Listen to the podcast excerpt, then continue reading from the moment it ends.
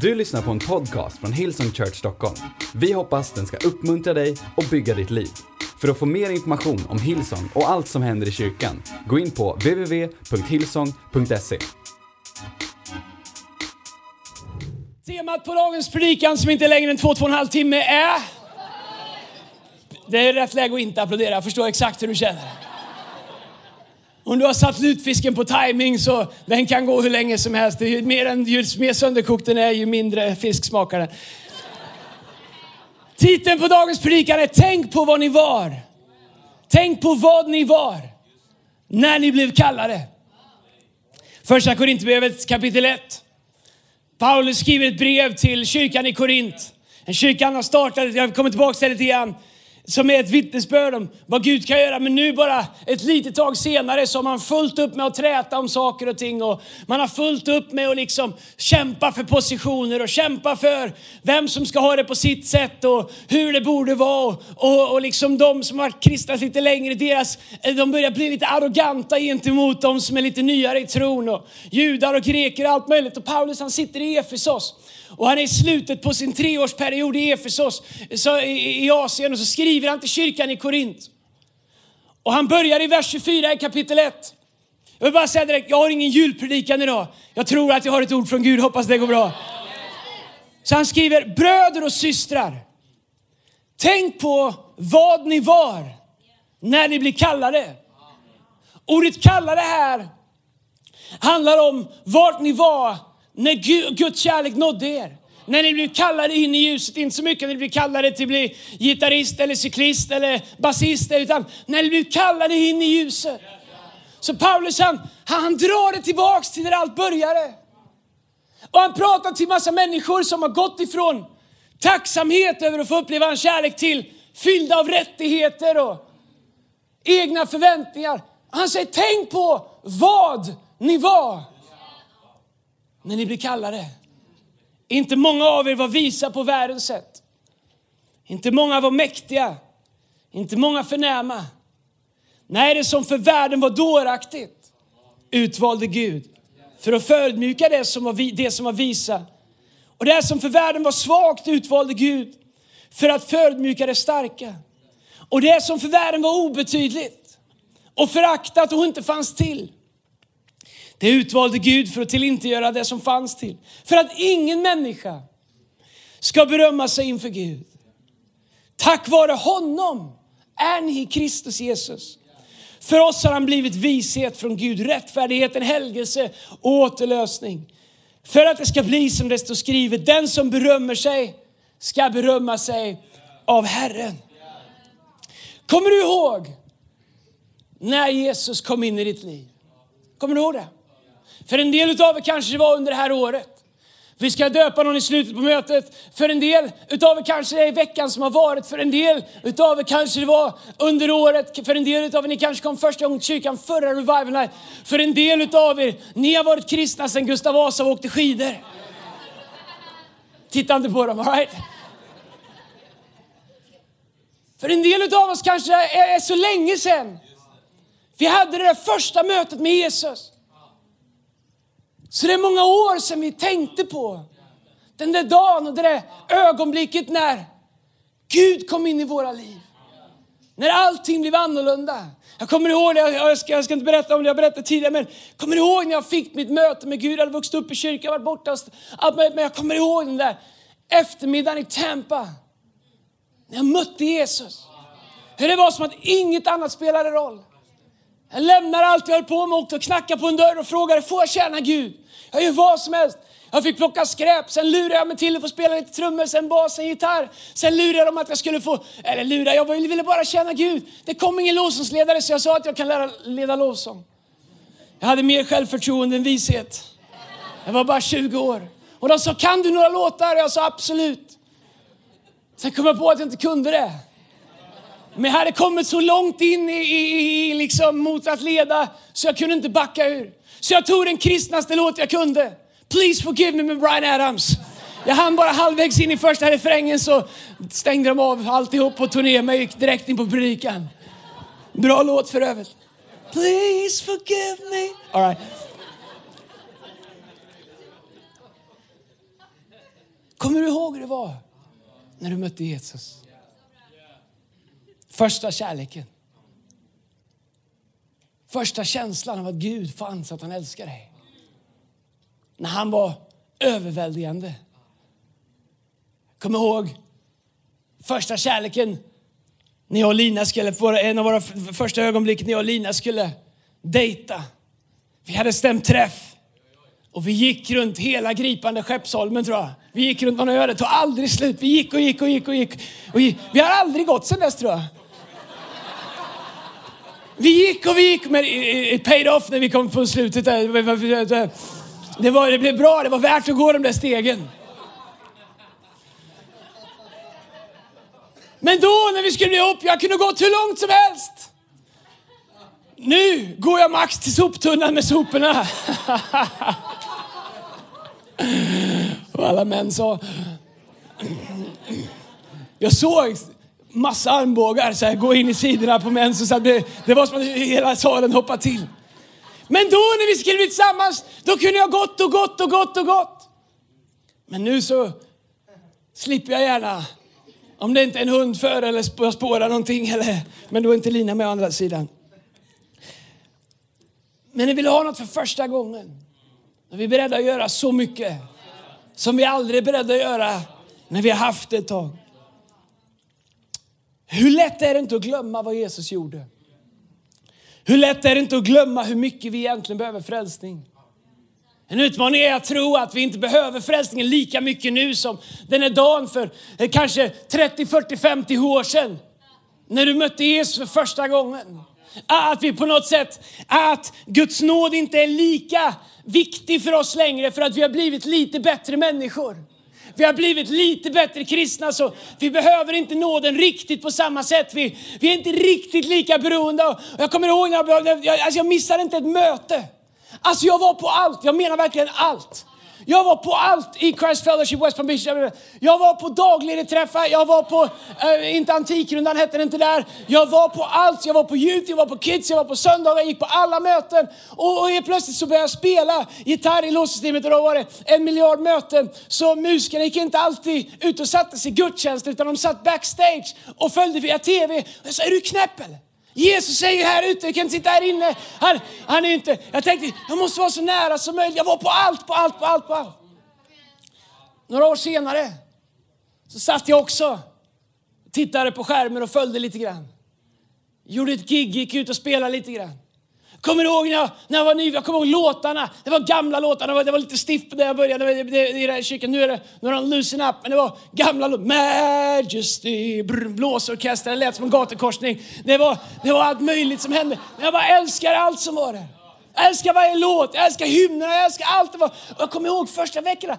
Det var så pinsamt för jag bölade för allting. Jag var på Kid Church när de sjöng Who's the king of the jungle? Jag...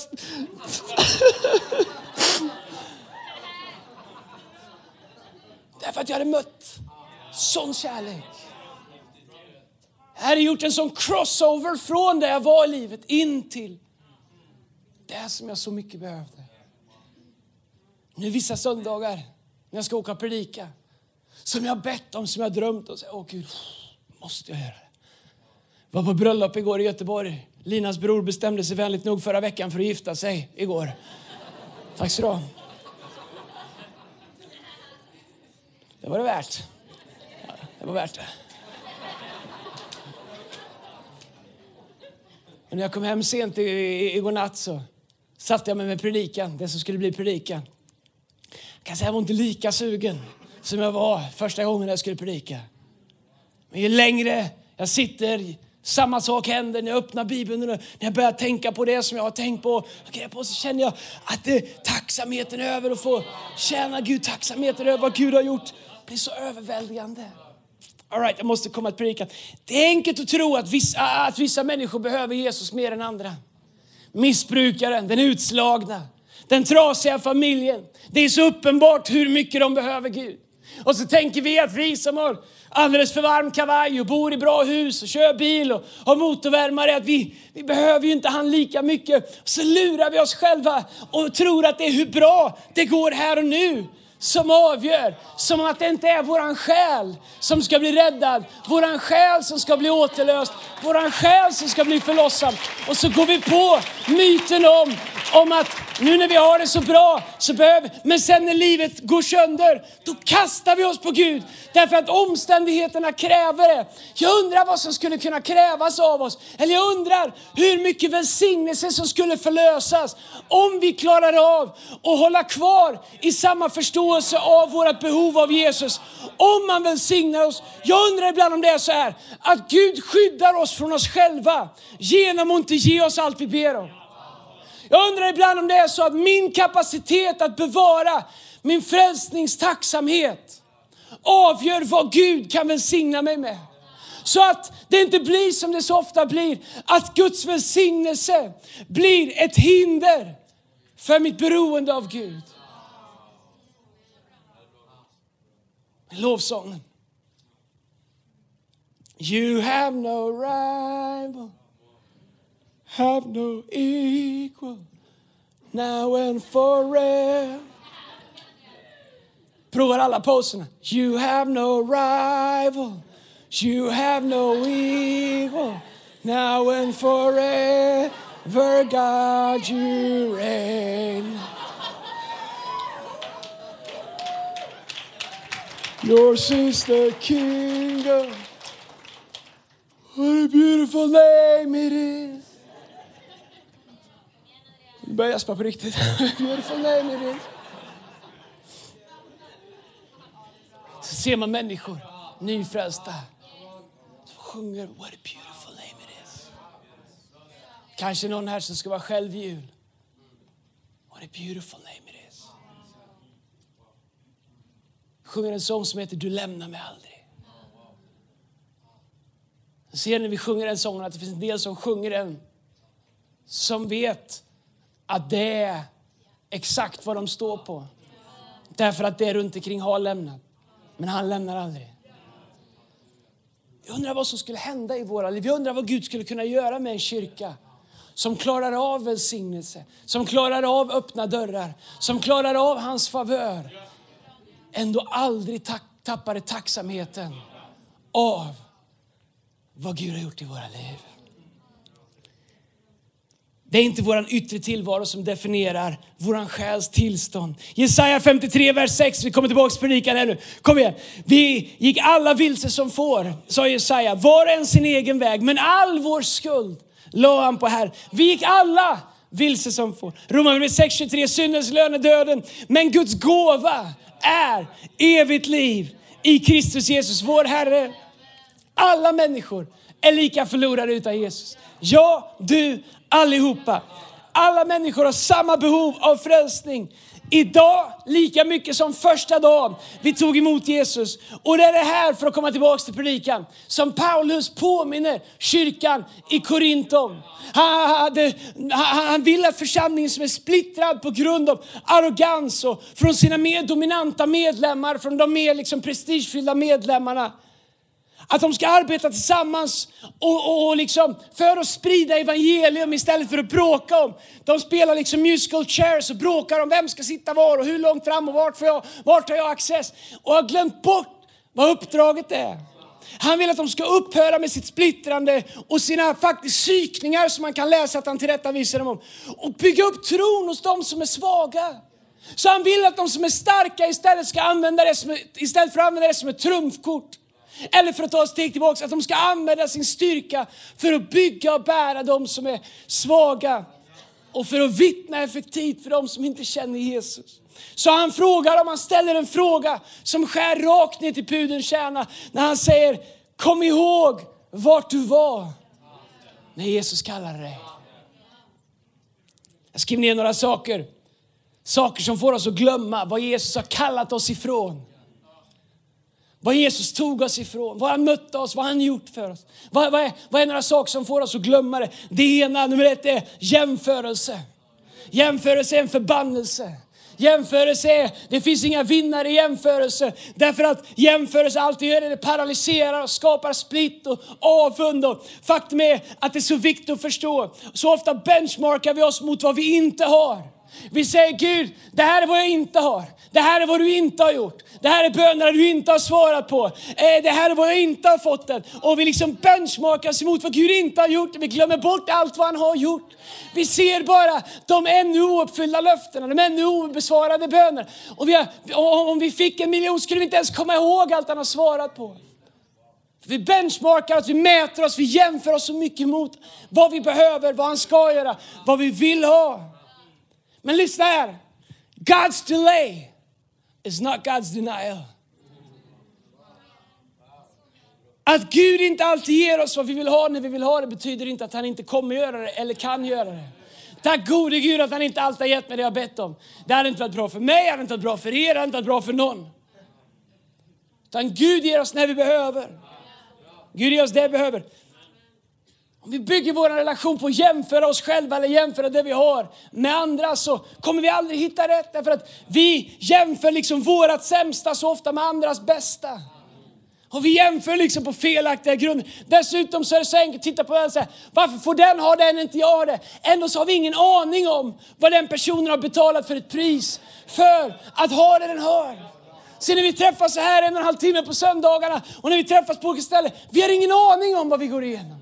Du har ingen aning om, och du tycker att den får svar på alla sina böner, men du har ingen aning om hur länge den har bett. Du har ingen aning om vilket pris han eller hon har betalt. Och du tycker varför får han och varför hon och varför inte jag? Hej, vad vet vi om varandra egentligen? Vad vet vi om hur människor har stått i tro? Vad vet vi om hur människor har vandrat i ensamhet där de bara haft löftet kvar att hålla i och till slut så visar det sig att Gud var trofast och du säger första dagen när du ber till Gud, Gud varför får inte jag det han får?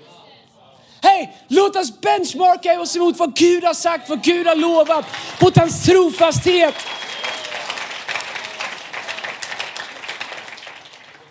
Jämför inte din insida mot någon annans fasad. Oh, någon borde skriva det på Instagram. Alltså ibland blir jag, ibland blir jag förvånad själv alltså. Det där har jag inte ens snott. Men tänk på det. Du öppnar Instagram. Den håller på tre, fyra filter. Alla som är liksom yngre än mig, de vet också hur man fixar till på sig. De fixar till bilderna. Det är ingen som bara tar en bild och lägger ut längre. Ja, men jag tar det, jag lägger inte ens ut så mycket.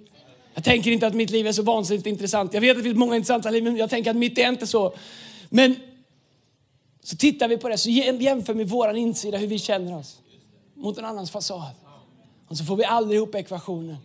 Hej, David säger, jag lyfter mina ögon mot bergen. Min hjälp kommer ifrån honom som har skapat himmel och jord. Han slumrar inte, han vacklar inte, han sover inte. Om en tusen faller vid min högra sida, om en tiotusen vid min vänstra sida, så ska, han inte, så ska jag inte falla. David säger, hej jag benchmarkar mig inte mot någon annans fasad eller mot andras löften eller andras bönesvar. Jag ser på Gud. Och jag håller fast i vad Gud har gjort i mitt liv, vad Gud har lovat mig. Så det första som skäl, liksom våran påminnelse om vad Gud har kallat oss ifrån, vad han tog oss ifrån, det är våran jämförelse. Det andra är rättigheter. Amen. Rättigheter. Lärjungarna som är med Jesus, de är som vi är.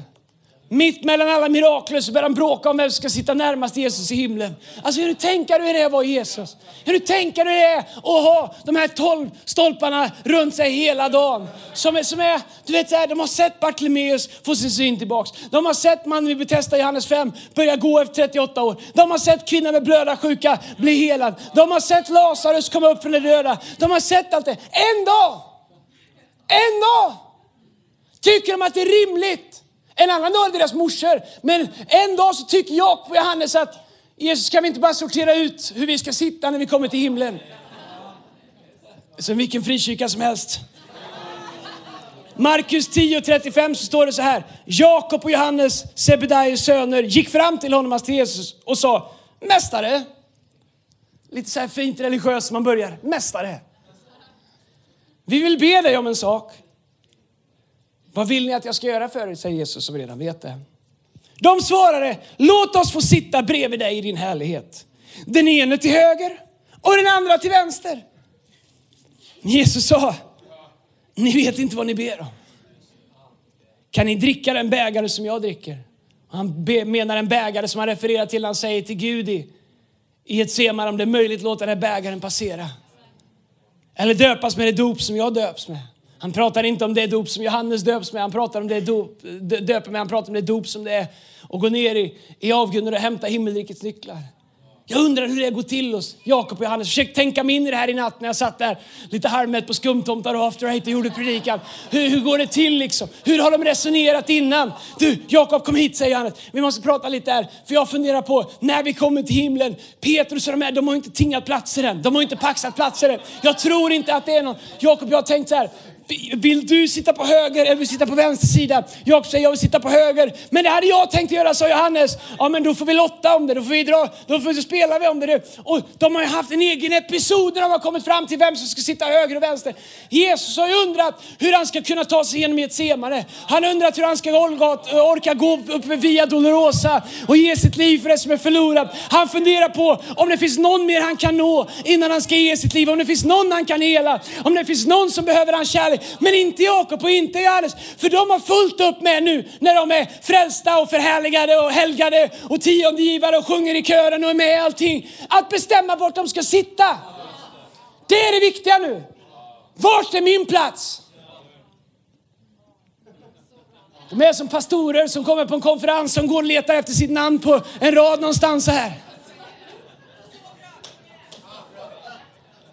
Så här du Jesus, vi har tänkt på en grej. När du kommer till himlen, så här har vi tänkt. Alltså fattar du hur långt man har kommit i sitt tänkande, hur grandiost, när man ska föreslå någonting för Guds son som har skapat himlen. Och det, så här tänkte vi Jesus, alltså vi vill inte ge dig råd men du kanske inte har tänkt på det så vi vill hjälpa dig bara. Hände mig som pastor också, kom jag och Andreas du kanske inte har tänkt på det här. Jag har försökt låta bli men jag antar att jag måste börja nu. Du kanske inte har tänkt på det här, men det var snöparkering den här morgonen. Well, de döda människor i Kina som läser Bibeln idag så att vi klarar oss nog. Men Johannes, vi, eh, vi, vi kom ju överens om att du skulle sitta på vänster sida. Så Jesus, vi har löst det. När vi kommer till härligheten så vi tänkte så här. Johannes, höger. Jakob, vänster. När Jesus Jakob han ville sitta på höger sida, han är vänsterfattad i klubban sa han. Men nu har vi lottat och lotten föll så. Jesus vad tänker du om det? Alltså att han inte bara gav dem en lavett alltså. Alltså hade jag varit Jesus, de där lägena de har ju fått stryk varje dag. Var, äm, eller springa straffrundor och köra idioten, göra någonting. Burpees, push-ups, I don't know. Vad som helst. Men vad är det som gör att Guds nåd så fort går från överväldigande till att bli en rättighet? Min bön är att det aldrig skulle hända oss. Att vi aldrig skulle gå från att bli kallade. En dag kom Jesus och kallade Jakob och Johannes så de släppte allt och följde honom. Nu har de varit med honom tre år, inte ens tre år. Tre år. Och nu bråkar de vart de ska sitta i himlen. Mänskligheten uppenbarad. Hur blir det för mig? En annan gång så bråkar så pratar de om hur blir det för honom? Struntar du i det? På ren svenska hade Jesus varit från tidigare sagt skit du i det. Sköt dig själv och skit i andra, så han har sagt på, på västgötska. Men nu var han inte västgötska så han pratade inte så. Men Jesus, du vet så här, några år tog det lärjungarna. Då ser de ändå alla miraklerna. Vad är det med oss? Vad är det med våra hjärtan? Vad är det med oss som gör att vi tappar perspektivet av att Jesus, innan jag träffade dig så, jag var inte ens på väg till himlen. Innan jag träffade dig så visste jag inte ens att man, vad som fanns i en kyrka. Nu sitter någon på min plats. Vad händer? Nu har vi flera möten varje vecka. Vad händer? Måste man vara med i team? Nej, måste man inte, man får det. Måste man gå på mer än ett möte? Nej, du måste inte gå på något. Men du får. Måste man bjuda hem någon i jul? Jag var känd för att vara själv i jul. Nej, det är klart du inte måste det. Sitt där du. Men det vore bra för dig att inte äta alla skumtomtar kan jag tala om. Du måste inte. Men du får öppna ditt hjärta. Du får öppna ditt hem. Du får öppna din soffa. Du får göra det. På samma sätt som Jesus öppnade sitt hjärta jämförelserättigheter. Han är det tredje som får oss att glömma vad vi blir kallade ifrån. Jag har nio saker som måste skynda mig. Tolv har jag kanske. Det tredje är fokus på mig istället För på Jesus som fann mig och gav sitt liv för mig. Lyssna, när jag ändå är lite vass här idag. Det är ju snart jul, jag ska säga lite fina, jag, sjunger, jag kan sjunga Stilla natt sen. Men saker som låter andliga, som vi kristna säger. Men som egentligen handlar om oss själva så ofta. Här är någonting. Vi borde ha djupare undervisning. Alltså säg det till mig på fel dag alltså. Vi borde ha djupare undervisning. Jag tänker på dem som, det är inte många som säger det, men de säger, de säger det till han som undervisar, det är ett direkt underkännande av allt. Men här, ibland tänker jag, all right, fine, vi borde ha djupare undervisning. Hur djup? Ungefär bara liksom mellan tummen upp, hur djup? Johannes 3 och 16, djupt ty så älskar Gud hela världen. Nu är det så att hela världen inte ens hört, hört talas om det och vi har inte riktigt fattat det vårt ansvar. Hur mycket djupare än det vill vi ska gå? Eller älska din nästa som dig själv. Är det, är det för djupt kanske? Eller be för dina fiender. Förlåt dem som för, Är det för djupt? Det, det, det kanske nej det där är ytligt, det där är basic. Alltså det där lärde jag mig första veckan. Alltså det gjorde du. Nu är det så att jag följer dig på Facebook och jag har sett att du inte riktigt, riktigt lärt dig det där. Hur djupt är tillräckligt djupt? Gå ut i hela världen och gör alla människor till lärjungar. Jo, jo, jo, jo. Klä den nakna. Besök den som är i fängelse, mätta den hungriga. Lossa orättfärdiga bojor som är särskilt. Hur djupt? När är det tillräckligt djupt? Eller är det bara djupt när det handlar om bröstsköldens alla ädelstenar? Eller vi tar tio veckor och går igenom de tio olika eh, drakhuvudena på odjuret i Uppenbarelseboken. Är det till eh, vilket, vad är det som är djupt? Jag säger inte att vi inte ska undervisa hela Bibeln. Men ibland undrar jag, handlar djupheten om att jag måste få liksom min inre liksom tillgodosedd?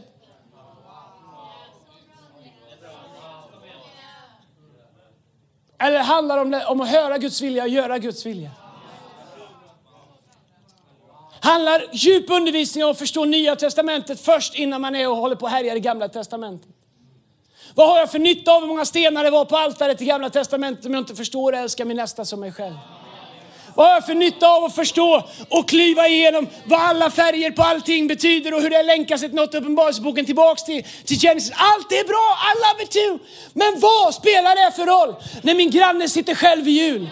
När mammor inte har råd att köpa mat till sina barn. Hur djup är tillräckligt djup? Hur djupt ska vi gå? Ta med dig cyklop och sorgsnorkel, våtdräkt, simfenor. Så kan vi dyka Hej, lyssna! Säg nu inte, ah, Andreas gillar inte gamla testamentet. Det var du som hörde, det var inte det jag sa. Eller det här, vi ber inte tillräckligt mycket. Okej, okay. det gör vi förmodligen, det gör vi inte. För det gör nog ingen. Men låt mig fråga en fråga. Hur mycket mer ska vi be ungefär? Och ska vi be mer i mängd, antal timmar, eller ska vi be mer i tro? Vi, vad är det vi ska ha? Båda säger du, kanon! Absolut. Men här har vi upptäckt att ibland är jag förvånad över den överrepresentation bland de som tycker att vi alltid ber för lite. Den överrepresentation av frånvaron som de lyser med när det ska göras något med händerna. Eller när ryggsäckar ska delas ut. Eller när man ska besöka våra förorter. Eller när vi ska packa saker. Eller när vi ska samlas här fyra på morgonen och lasta lastbilar för this is Christmas så att människor kan höra evangelium. Eller när det ska krattas här ute för att förvalta det som Gud har gett oss. Jag säger inte att det alltid är så. Men jag säger bara att ibland så, vi kan ju låsa in oss här och be till Jesus kommer och känna superheliga. Yes, vi måste be mer. Yes, jag ska dyka djupare i Bibeln. Men tänk det här då. Vi har döpt över tusen människor de sista åren här. Tänk om vi hade bett mer och haft 10 000. Skulle du ta hand om dem då? Skulle du starta en connect-grupp då? Eller skulle, vi ta, skulle du börja ge 20 så vi hade material att ge till dem? Tänk om Gud svarar på våra böner. Hej, jag säger inte att jag är emot bön. Jag säger inte att vi inte ska be. Vi ska be mer. Vi ber för lite. Men framförallt ska vi be mer i tro. Framförallt ska vi läsa Bibeln så att vi förstår vad Jesus har kallat oss till. Och om vi inte ens förstår det basala så kan du bara hoppa över bröstskölden så länge. Strunta i uppmaningsboken tills du har förstått att det viktigaste av allt, det finns i Johannes 3 och 16, i Jesaja 58. Det finns i Kristus hjärta och nå de förlorade och nå de trasiga och nå de ensamma. Jag är för allt i Bibeln. Jag tror på allt. Jag tror på innehållsförteckningen, jag tror på tryckeriet, jag tror på IBM-numret, jag tror på allt i allt som står. Allt jag tror på kartorna, jag tror på allt.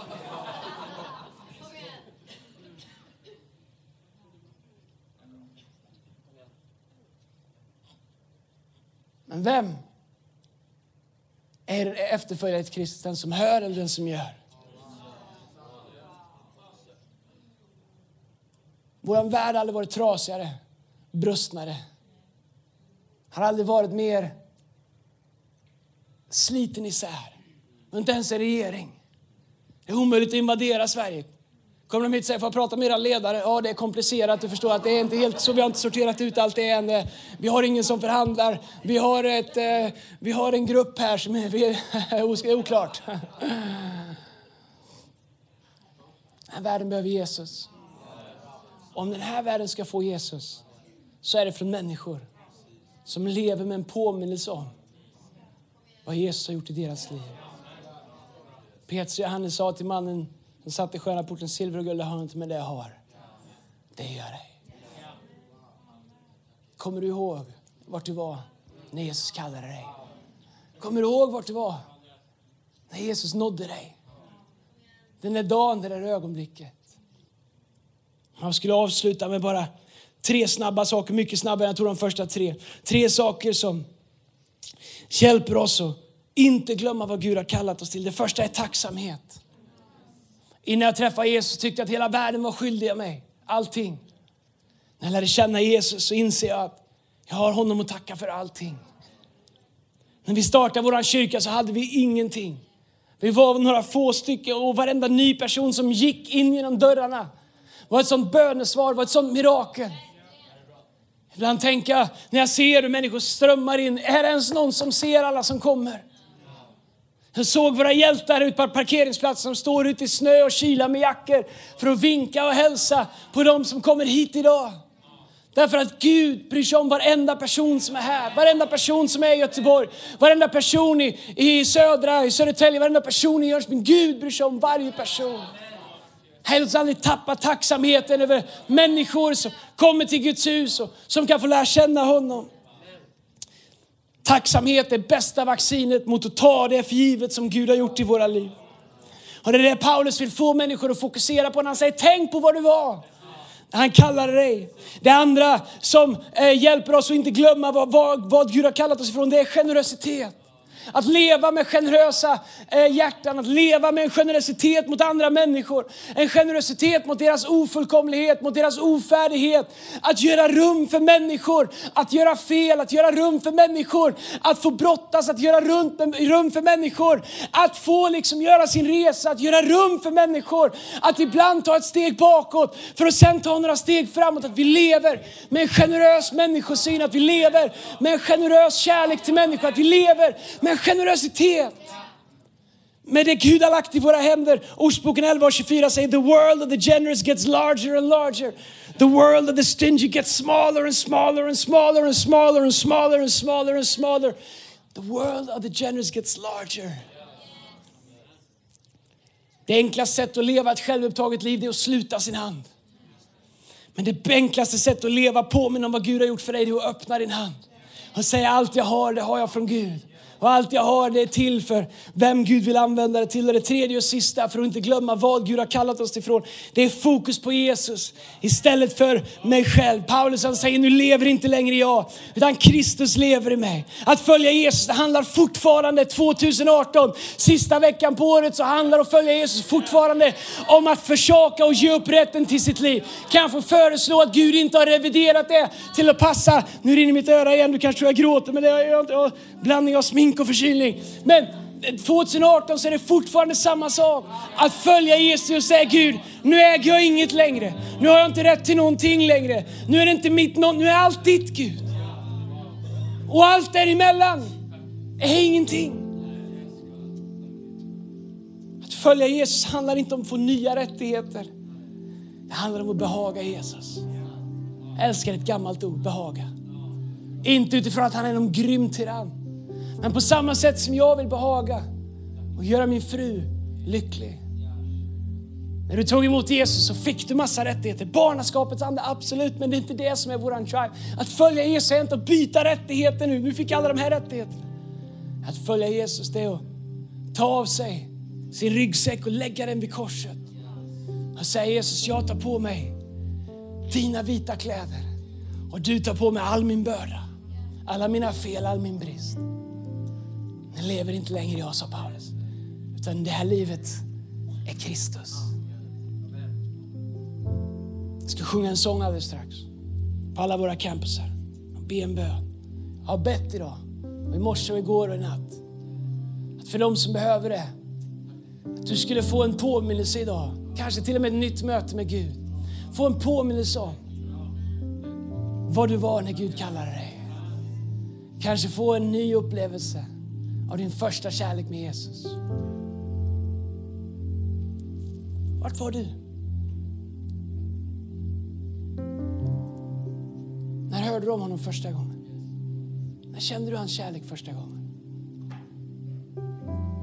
I Hebreerbrevet 10 och 22 skriver de så här, låt oss därför gå fram med ärligt hjärta. I trons fulla visshet. Med renat hjärta från ont samvete och med kroppen badad i rent vatten. Låt oss orubbligt hålla fast vid hoppets bekännelse, för han som har gett oss löftet är trofast. Låt oss ge akt på varandra och sporra varandra till kärlek och goda gärningar.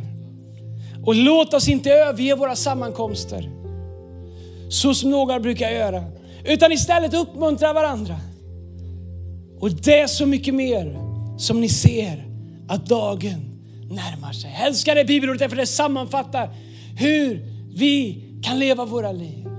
Jag börjar med att säga låt oss gå fram med ärligt hjärta. Därför att han är trofast. Sen går det vidare med jakt på varandra, sporra varandra. Inte försaka våra sammankomster. Att ge vidare, att se varandra. Att leva för att andra ska få. Att uppmuntra varandra, att lyfta varandra. Om du behöver ett nytt möte med Jesus den här morgonen för att bli påmind om vad han har kallat dig ifrån så tror jag att det är den bästa julklapp du kan ge till dig själv. På alla våra campusar runt om ska vi göra så att vi står upp och lovsångsteamen kommer fram. Ska vi sjunga en sång? Jag har inte riktigt bestämt vad vi ska göra. Kanske ber jag för det där vi står, men egentligen känner jag för att öppna altaret här och låta människor som behöver få ett nytt möte med Gud. Logistiskt sett har vi aldrig prövat det på länk. Men om det finns någon här, om det bara är en enda människa här idag, som behöver en påminnelse om vad han har kallat dig ifrån. Kanske har du inte fått svar på alla dina böner, kanske väntar du fortfarande. Kanske idag att vi skulle påminna oss om vad han tog oss ifrån, vad han gjorde oss, vad han gjorde för oss den här dagen när vi mötte honom. Kanske du är idag och du har fortfarande aldrig mött Jesus. Ja, du har det bästa framför dig. Vilken julvecka. Kan få möta honom idag. Jesus, jag tackar dig. Herre, jag tackar dig. Din nåd är att du inte är ute med oss, Herre. Herre, jag tackar dig för din nåd och för din kärlek. Samma nåd som fann, fann oss, eh, samma nåd som är verksam i oss idag. Samma kärlek som vann oss eh, samma kärlek som bevarar oss idag, Herre Jesus.